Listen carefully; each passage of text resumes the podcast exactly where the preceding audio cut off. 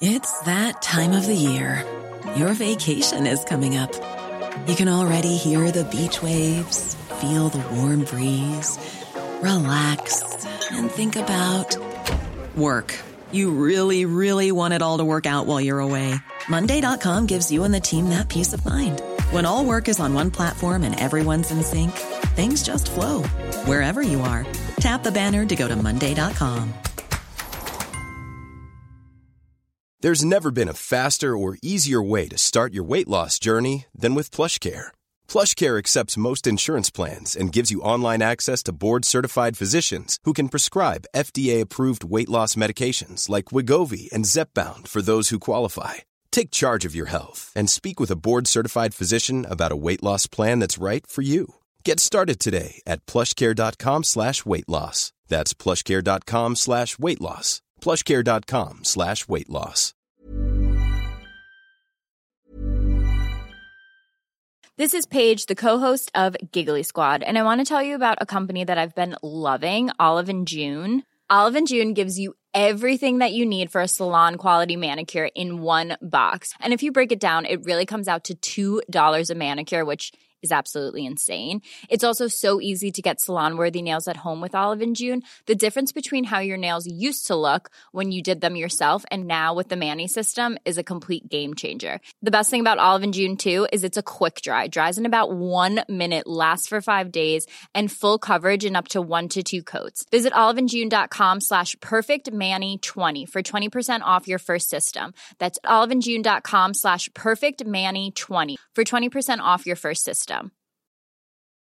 There's never been a faster or easier way to start your weight loss journey than with PlushCare. PlushCare accepts most insurance plans and gives you online access to board-certified physicians who can prescribe FDA-approved weight loss medications like Wigovi and Zepbound for those who qualify. Take charge of your health and speak with a board-certified physician about a weight loss plan that's right for you. Get started today at plushcare.com slash weight loss. That's plushcare.com slash weight loss. plushcare.com slash weight loss.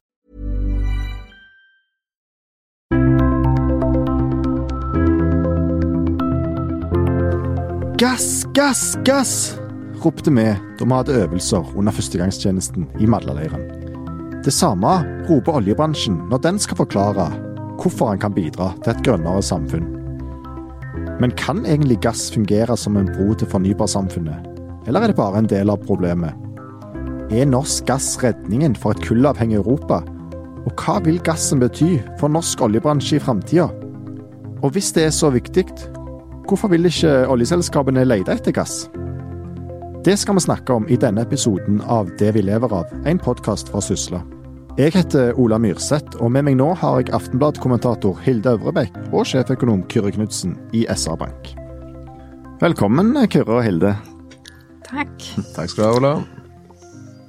I dag skal vi altså snakke om gass, og i hvilken grad det kan uh, være en, en, en, bro til fornybarsamfunnet. og Vi må jo bare først anerkjenne at det er et uh, tema som uh, det debatteres om, og, hvor det er veldig ulike meninger. Men Hilde, hva mener de som mener at gass er en del av løsningen for klimaet? De mener jo det at eh, vi må fase ut kullkraft, eh, som slipper ut mest av alt, eh, og erstatte det med gass, fordi at det slipper ut eh, halvparten CO2 eh, sammenlignet med kullkraft.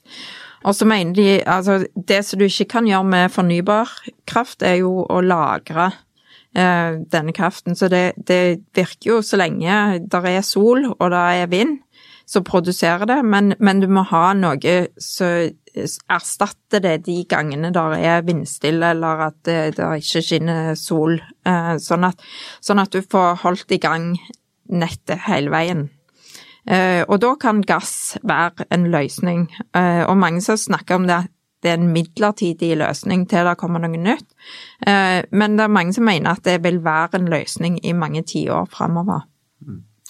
Og Kyrre, de som mener at dette er feil, da, og at eh, gass ikke er en del av løsningen, måte et dårlig argument, hva, hva sier de? Nei, De har jo ambisjoner om å erstatte både kull, olje og gass med andre ting. Um, nå er det jo sånn at to tredjedeler av verdens energiforbruk er jo knytta til fossile brensler, så uh, det skal skje nokså mye både på teknologifronten, på andre typer energikilder, eh, for at du skal klare å kutte så mye, med mindre du har lyst til å måtte bruke mindre. Men det òg er jo et Er det noen som argumenterer for at vi rett og slett bare må bruke mindre energi, og og for så vidt uh, konsumere mindre av andre ting for å bidra til at verden blir mer bærekraftig. Så eh, det som eh, er eh, interessant, er jo i liksom hva Hvis du tenker kun på klima og liksom realismen i ulike alternativer, hva er det som er mest realistisk å få til? Eh, og der kan vi jo kanskje si heldigvis at eh, sånn realistiske alternativer, eh, f.eks. fra eh, IEA med ulike forutsetninger om politikk og teknologi, så har vi på en måte sett en, en, eh, at det har gått i retning at det er mulig å få til i hvert fall mindre vekst, eller å stagge utslippene etter hvert enn det som man trodde kanskje for ti år siden. Så, men eh, fortsatt så skal vi fra A til B om noen år, men eh, veien for å komme over i en mer bærekraftig verden, det vet vi ikke helt hvordan vi skal få til ennå.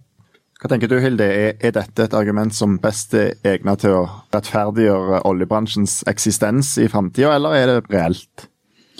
Det er nok både òg, men vi har jo hørt denne argumentasjonen i mange år. Jeg husker jeg var i Brussel i 2012, tror jeg, og da hørte jeg akkurat de samme argumentene for norsk gass. Og det var reklameplakater på flyplassen eh, for eh, norsk gass Eh, som skulle redde Europa.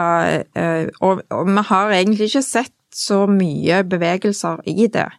Eh, så, så det er jo både og. Altså, altså, det er jo sånn som Køre sier, det er jo ingen som vet egentlig hva som kommer til å skje i framtida. Og, og der er der er ulike EU-kommissærer opp gjennom tidene som har både lovt at de skal bruke norsk gass i mange tiår framover, Eh, og så er det de som sier at nei, gass er ikke løsningen. Så det er veldig usikkert. Hvis vi aksepterer at gass er en del av løsningen, hva betyr det for norsk eh, oljeindustri? Nei, Det betyr jo nokså mye, det. Altså, Gass har jo blitt en stadig større andel av, um, av samla petroleumsproduksjon. da. Går du tilbake til 2000, så var det kanskje sånn 70-30% mellom olje og gass. Altså olja var mest. Og så har det endra seg, sånn at nå de par siste årene så har det vært eh, omtrent likt. Eh, så vil vi få en litt økende oljeproduksjon med Sverdrup og litt sånt de, de par neste årene, men eh, gass utgjør eh, da omtrent halvparten. Eh, har òg gjort det i verdi, faktisk, i hvert fall når oljeprisen var på litt lavere nivåer. Så gassen er, er viktige. Um, det er òg noe med liksom langsiktigheten med gass i forhold til olje som uh, som gjør at hvis du er et selskap som, eh, som jakter litt sånn, eller hva skal vi si, i en litt usikker verden, hva blir rollen til gassen framover, gjerne særlig mot kontinentet, da.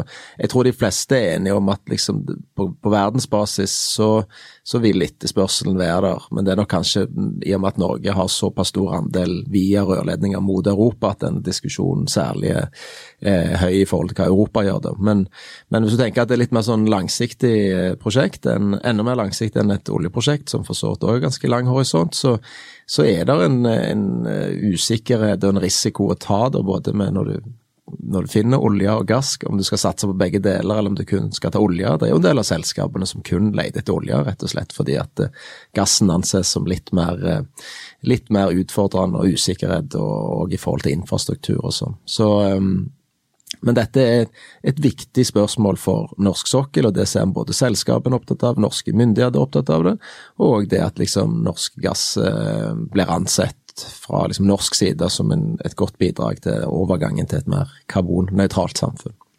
Det, du spurte litt om det rettferdiggjør eh, olje- og gasselskapene eh, sin framtid, og det tror jeg òg at det, det, blir brukt veldig mye som eh, at, at, du ikke får fram den risikoen, at du på en måte sier at ja, men sånn er det. Eh, Europa trenger vår gass. Eh, og så er det den retorikken oljebransjen ofte bruker, men, men at de ikke tar med de motargumentene, tror jeg kan være ganske farlig.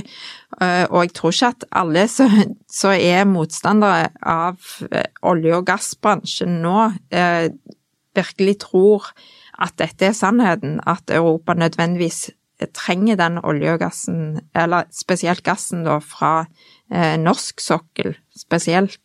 Det er jo snakk om skifergass eh, fra USA. Eh, det er snakk om russisk gass eh, med den risikoen for Europa som det betyr.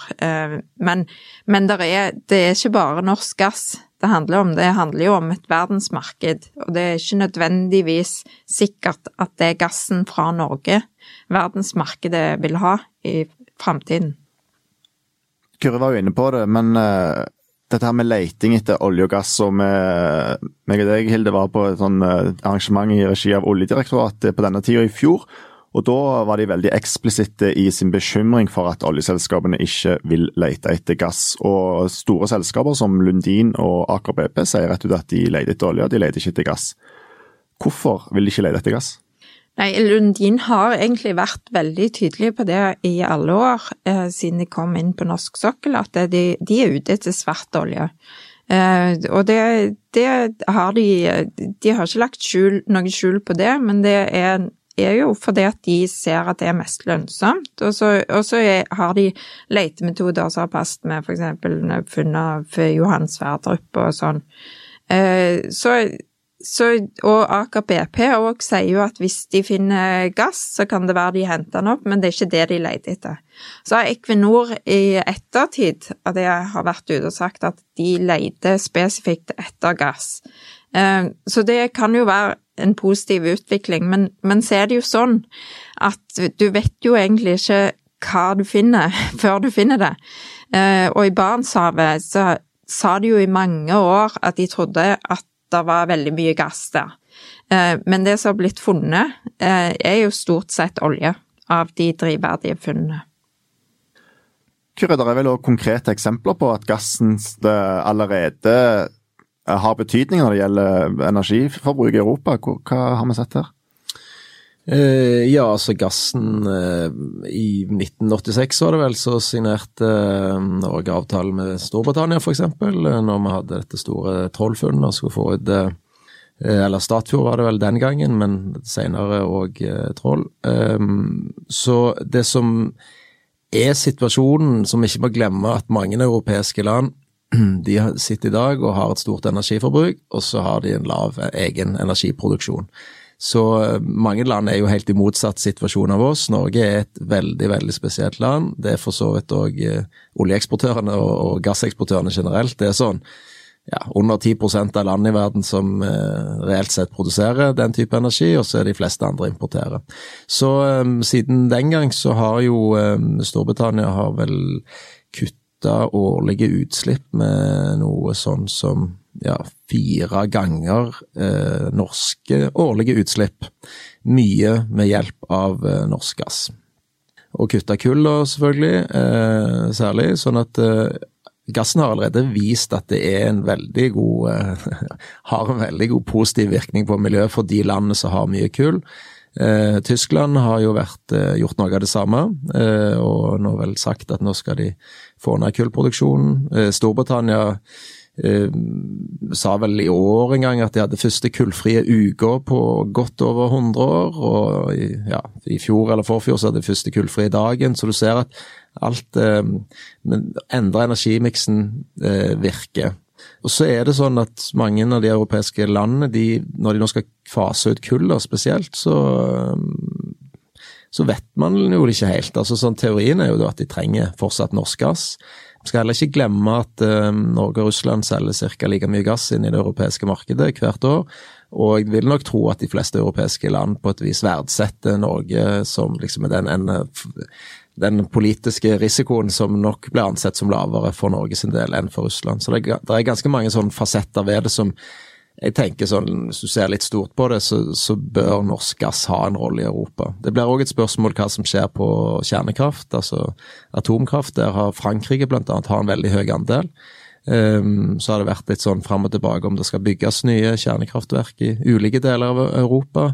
Um, særlig etter den ulykken i Japan så var det liksom en bølge mot, men det ser ut til at noen land, og særlig kanskje Frankrike, har kommet til å holde en nokså høy andel der. Mm.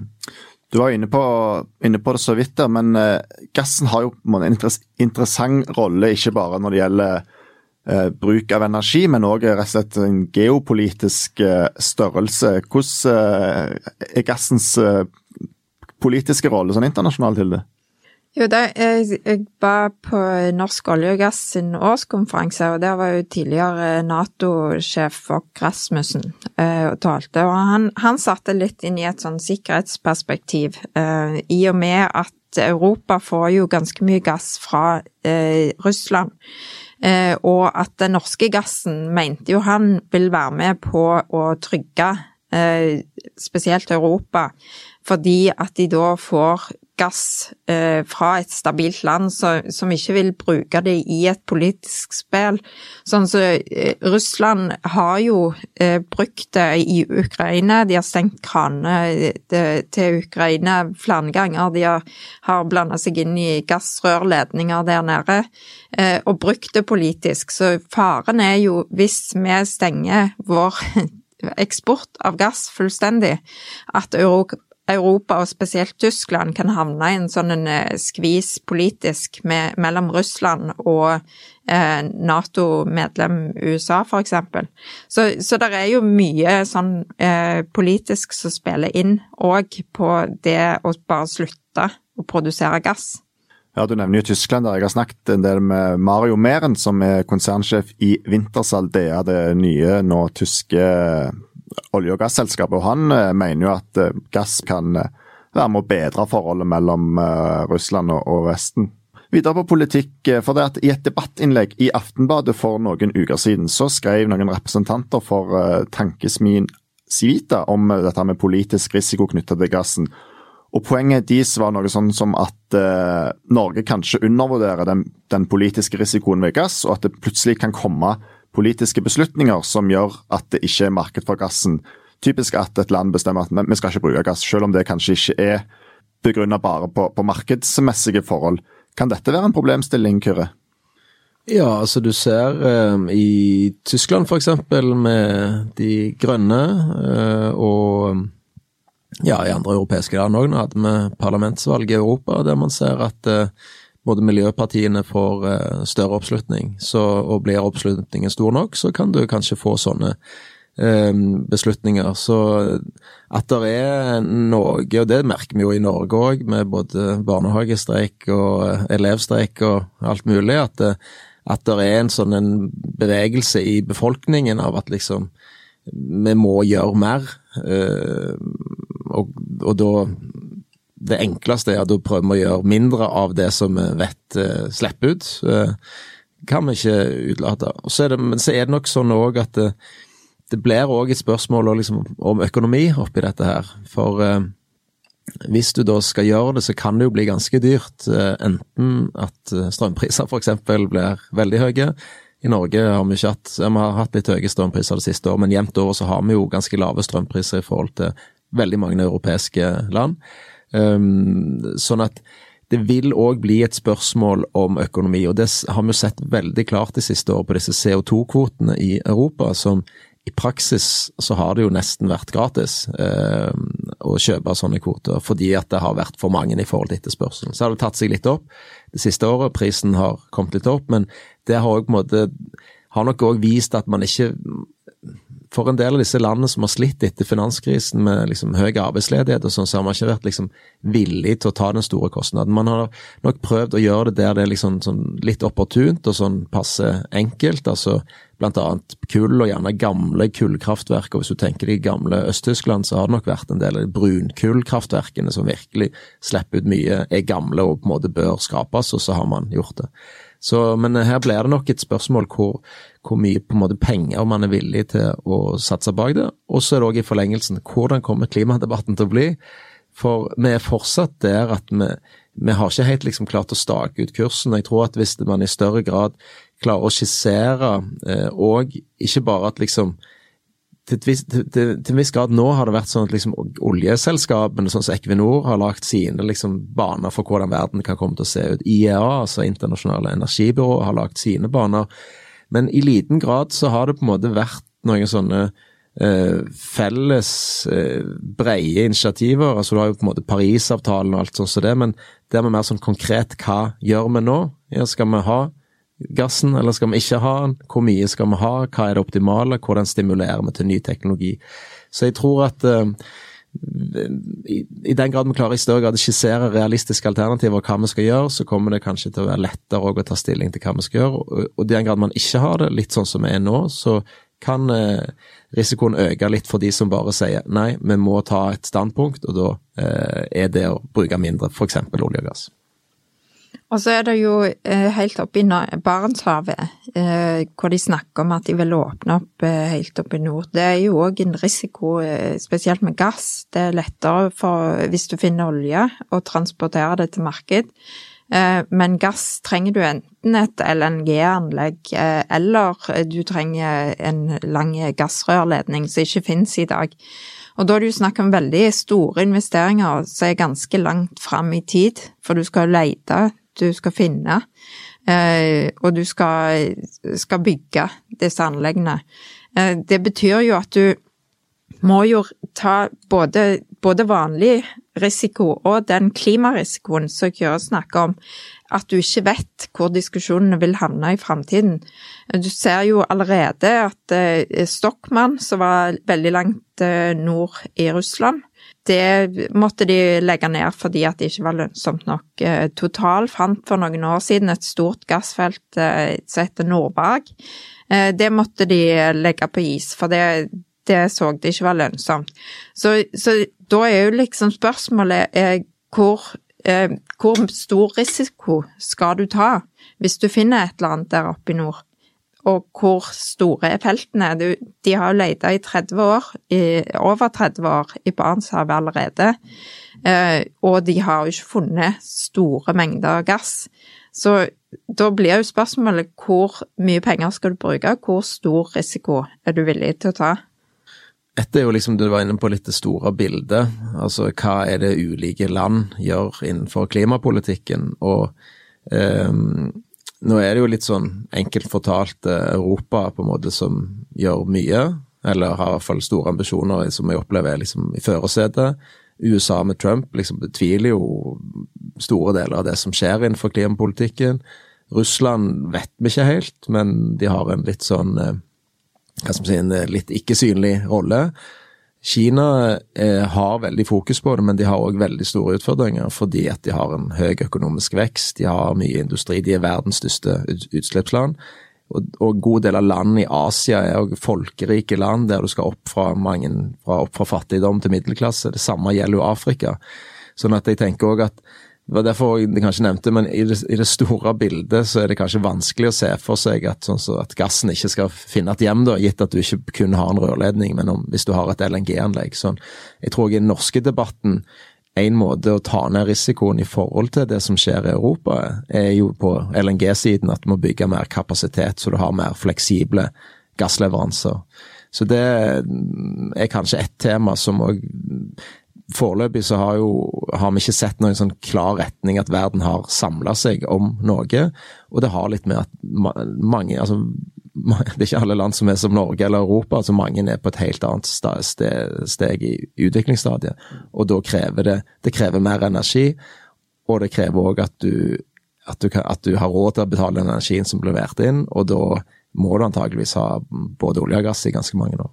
Så kan du se litt motsatt, fordi at jeg, eh, når jeg intervjuer han sjefen for fornybarbyrået, som er en slags motsetning til IEA, eh, i fjor under ONS, eh, så, så, fortalte jo han at i de landene som ikke har noen ting, som kanskje har kokt uh, maten sin uh, ved hjelp av dieselaggregater uh, og dyre forurensende.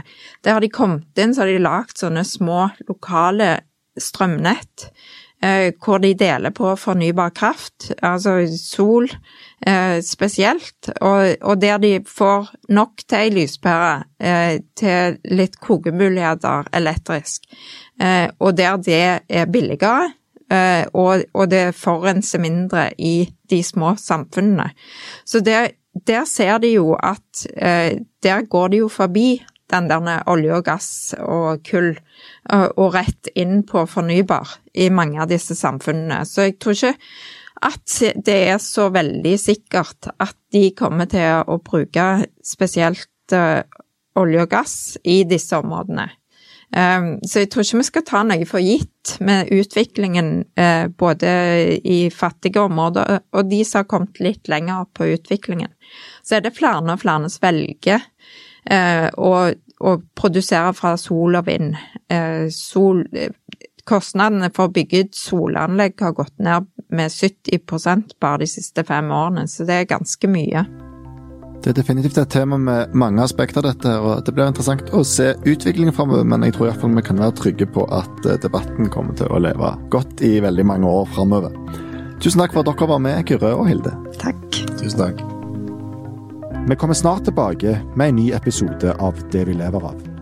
I mellomtida tar vi gjerne imot innspill til temaer vi kan snakke om i podkasten. De kan du sende til podkast.sysla.no. Podkast med K. Produsent er Henrik Svanevik, og jeg heter Ola Myrseth. Takk for at du hørte på.